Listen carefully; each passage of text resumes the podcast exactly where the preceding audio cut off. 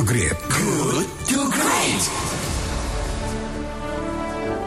Sahabat Kela, terima kasih Anda masih bersama kami di sesi diskusi untuk pagi hari ini dengan tema yang kita bahas yaitu mencari jalan keluar terbaik demi keberlanjutan program JKN KIS pasca dibatalkannya kenaikan iuran BPJS Kesehatan oleh Mahkamah Agung. Dan kita sudah terhubung dengan narasumber yang kedua yaitu Bapak Alam Syah Syaragih, anggota Ombudsman RI.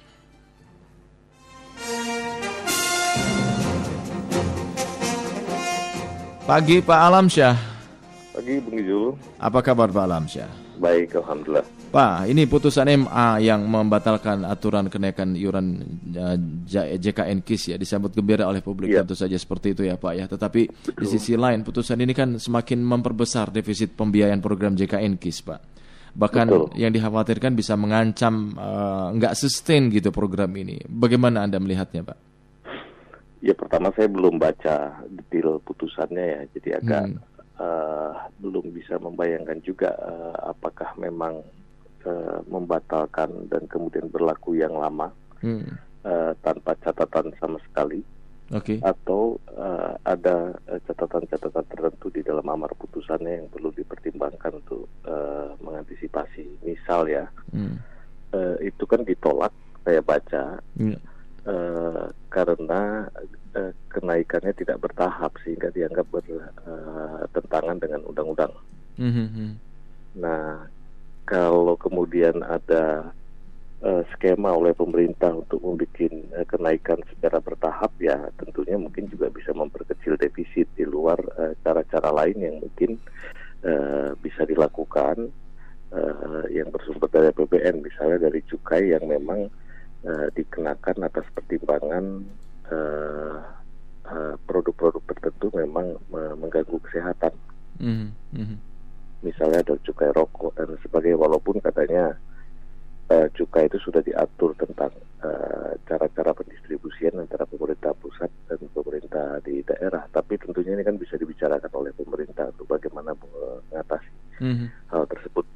Mm -hmm. Saya kira cukai kan di atas 100 triliun dan uh, untuk jangka pendek atau situasi yang urgent ini mungkin bisa dimobilisasi untuk uh, menutupi defisit itu tentunya perbaikan tata kelola ke depan ya harus tetap dilaksanakan. Hmm, tapi bukankah iuran apa uh, eh, MA mem memutuskan untuk membatalkan kenaikan iuran BPJS ini terus lalu uh, iuran lama berlaku kembali, Pak? Ya, iuran lama berlaku kembali.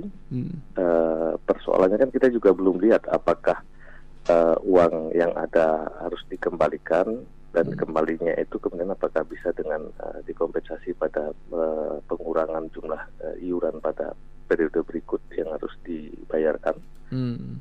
atau uh, kemudian uh, memang ada skema tertentu cara mengembalikannya kita belum tahu nah itu mungkin yeah. nanti harus dipikirkan uh, oleh uh, pemerintah setelah uh, mereka menerima putusan itu secara hmm. resmi ya hmm. itu yang yeah. saya pikir nah pemerintah uh, dalam konteks ini Menteri Keuangan Sri Mulyani kan berpikir keras bagaimana membuat BPJS kesehatan tidak lagi defisit ya di tengah dibatalkannya kenaikan iuran itu Pak. Nah, ya. hal ini juga kan harus harus diketahui oleh masyarakat di mana juga banyak yang senang, banyak yang happy ketika iuran di, uh, batal naik. Nah, ya. uh, Sri Mulyani pun meminta BPJS Kesehatan supaya lebih transparan, biaya operasinya uh. berapa, berapa gajinya, defisitnya berapa gitu. Semua dirangkum supaya masyarakat tahu ini masalah bareng-bareng gitu, masalah bersama bukan satu institusi saja. Nah, ya ini dilakukan pemerintah untuk membangun ekosistem JKN yang sehat dan berkeadilan. Anda Betul. melihatnya bagaimana? Ya kalau menurut saya sebetulnya laporan keuangan institusi negara itu suatu yang terbuka sepanjang sudah diaudit. Hmm. Jadi menurut saya uh, harusnya bisa diberikan ke publik sehingga kita bisa tahu sumber-sumber defisit ada di mana dan mana yang sifatnya memang uh, menyangkut manajemen, mana yang sifatnya memang secara kuantitas sudah tidak mungkin uh, diatasi karena memang uh, jumlahnya kecil. Hmm. Apakah PBC juga perlu transparan, Pak? Harus mengemukakan semua ke publik. Ini loh biaya operasinya sekian loh, gajinya sekian, defisitnya sekian gitu. Dan oh iya, apakah bisa, itu saya... itu bisa bisa membuat terus masyarakat menjadi mengerti gitu? Ya kalau cuma uh, transparan saya pikir bisa, hmm. uh, karena kan itu kan duit duit publik ya bisa yeah. dibuka. Persoalannya apakah setelah memang faktanya memang tetap uh, defisit lantas uh, dengan membuka selesai kan enggak juga Iya. kan. Mhm. Nah, mungkin dengan membuka itu bisa mengajak publik untuk jadi lebih paham dan uh, bisa menerima uh, kemudian uh, bersedia untuk uh, menaikkan tarif tapi tentunya kalau kalau saya lihat dari ya, putusan MA ini kenaikan tarif itu ya harus sesuai dengan undang-undang dia bertahap tidak bisa langsung tiba-tiba 100%. Iya, iya, iya. Ini 96,8 juta masyarakat miskin dibayarkan oleh pemerintah karena tidak mampu. Kemudian juga ketika kita bicara tentang semangat gotong royong dari pihak swasta itu harusnya juga bisa berjalan. Nah, Ya. apakah perlu dipisahkan gitu, Pak Alamsyah? Artinya dipisahkan ketika ini golongan mereka yang tidak mampu atau kurang mampu, mereka yang mampu artinya swasta, sehingga eh, aspek gotong royong itu betul-betul terlihat gitu loh. Dan eh, Pak mm, penyaluran dana bantuan atau subsidi dari pemerintah kepada mereka yang perlu itu betul-betul tersalurkan dengan benar gitu. Kalau itu kan sudah ada perbaikan data ya yang dari 27 juta terus kemudian dikoreksi lagi untuk yang penerima bantuan yang Hmm. masuk kategori miskin itu sudah dikoreksi bersama Kemensos Hmm. dan kemudian sekarang BPS sudah punya data yang lebih fix. Hmm. Kalau swasta semua kan memang wajib juga Iya. untuk eh, BPJS ini. Hanya bedanya orang yang bekerja di swasta sebagian dipotong dari gaji, sebagian dari perusahaan. Mhm. Nah, ini yang kemudian uh, harus terus diperbaiki oleh BPJS supaya pembayaran oleh perusahaan ini jangan sampai ada ma- manipulasi data dan lain sebagainya. Jadi sistem informasinya harus dibikin lebih akurat. Hmm. Kemudian eh, yang kedua juga di rumah sakit, Mhm. bagaimana agar klaim dari rumah sakit itu memang mencerminkan eh, eh, pemberian pelayanan sesuai dengan standar yang ada di tetapkan oleh pemerintah Hmm. untuk BPJS. Jadi kan semua yang bisa dibayar oleh BPJS itu harus sesuai dengan standar pelayanan dan Iya. itu diverifikasi oleh BPJS. Hmm. Nah kemudian kedua apabila itu semua sudah diperbaiki, eh, kita juga akan menemukan apa yang sering disebut oleh BPJS bahwa ternyata untuk peserta BPJS mandiri itu jumlah eh, tunggakan eh, paling besar di segmen eh, Hmm. apa namanya kepesertaan. Nah peserta BPJS mandiri ini adalah orang-orang yang memang mungkin bekerja bukan pada sektor formal. Hmm. Nah, 53% pekerja Indonesia itu ada eh, dengan karakteristik bekerja Sektor eh, informal. di sektor informal.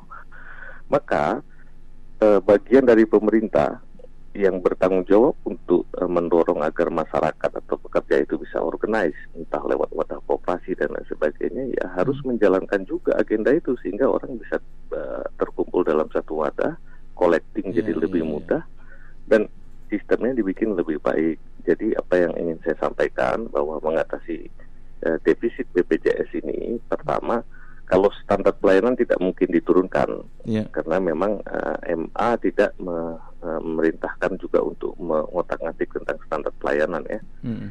Eh, kemudian untuk masalah eh, collecting BPJS tidak bisa kerja sendiri Hmm. untuk dorong masyarakat eh, peserta mandiri tadi yang agak eh, susah atau banyak menunggak tadi supaya Hmm. mereka lebih organize itu kan ada peran Kemenkop, peran dari kementerian-kementerian teknis sesuai dengan sektor eh, lapangan kerja yang bersangkutan. Hmm. Nah itu juga penting. Kemudian eh, untuk yang dalam eh, waktu pendek, eh, bagaimana menutupnya dengan sumber-sumber anggaran lain seperti misalnya katakanlah cukai rokok dan lain sebagainya Iya. dalam jumlah yang signifikan ya, bukan jumlah seperti kemarin.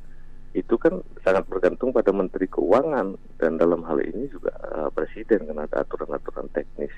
Hmm. Saya kira eh, kita juga bisa mengubah cepat kalau ada kendala eh, perundang-undangan yang menghambat untuk pemanfaatan eh, cukai-cukai yang punya eh, alasan pemungutan berdasarkan alasan kesehatan supaya bisa dialokasikan ke BPJS. Hmm. Kak, saya pikir kalau untuk mengubah undang-undang, andai kata ada kendala di undang-undang ini jauh lebih urgent daripada eh, eh, terburu-buru mengubah omnibus law. misalnya. Yes, yes, betul. Ini kan bisa diatur supaya cukai eh, Hmm. rokok bisa mensupport eh, BPJS. Hmm. Tapi catatan kami untuk ke depan tentunya tetap eh, perbaikan tata kelola dan kemudian model collecting itu harus eh, secara sungguh-sungguh kita perbaiki agar uh, keuangan BPJS uh, menjadi lebih mapan. Hmm. Pak Alam, saya ini yang terakhir, kita dengan tata kelola, bagaimana pula nih mengawal dan memastikan kinerja layanan rumah sakit agar optimal dan tidak terjadi maladministrasi atau moral ya. hazard oleh oknum-oknum tertentu ini terkait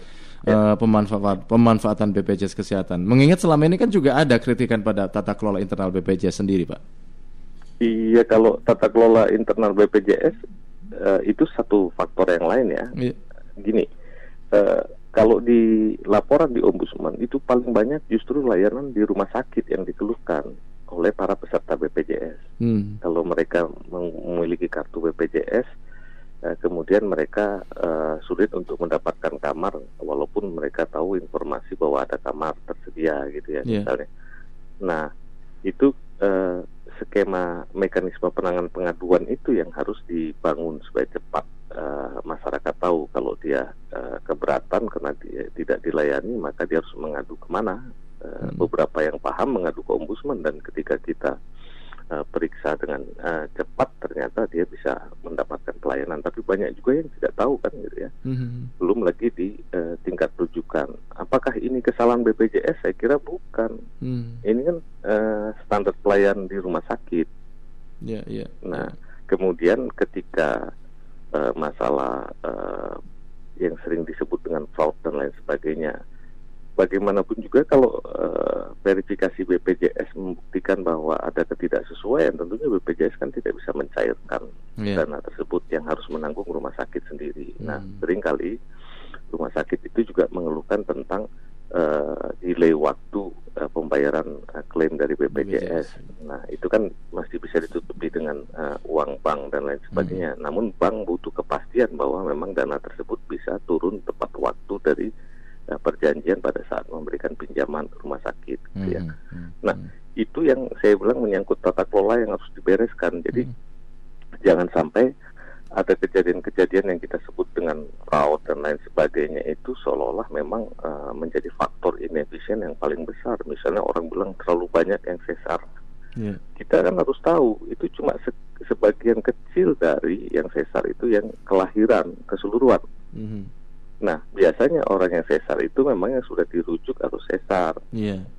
Yang dia lahir normal itu kan ya biasa saja. Mm. Tapi ketika memang angka sesar ini naik kan menunjukkan bahwa standar tertentu dari uh, pelayanan itu memang oleh dokter bisa diputuskan harus sesar. Mm -hmm. Nah, itu yang yang harus uh, dibicarakan gitu yeah. ya. Jangan sampai menekan sesar tapi kemudian angka kematian menjadi meningkat. Baik, kan baik. Kita harus jaga loh. Ini sekarang IPM kita itu uh, membaik, mm -hmm. bahkan kita sudah masuk ke tingkat kategori negara maju untuk IPM.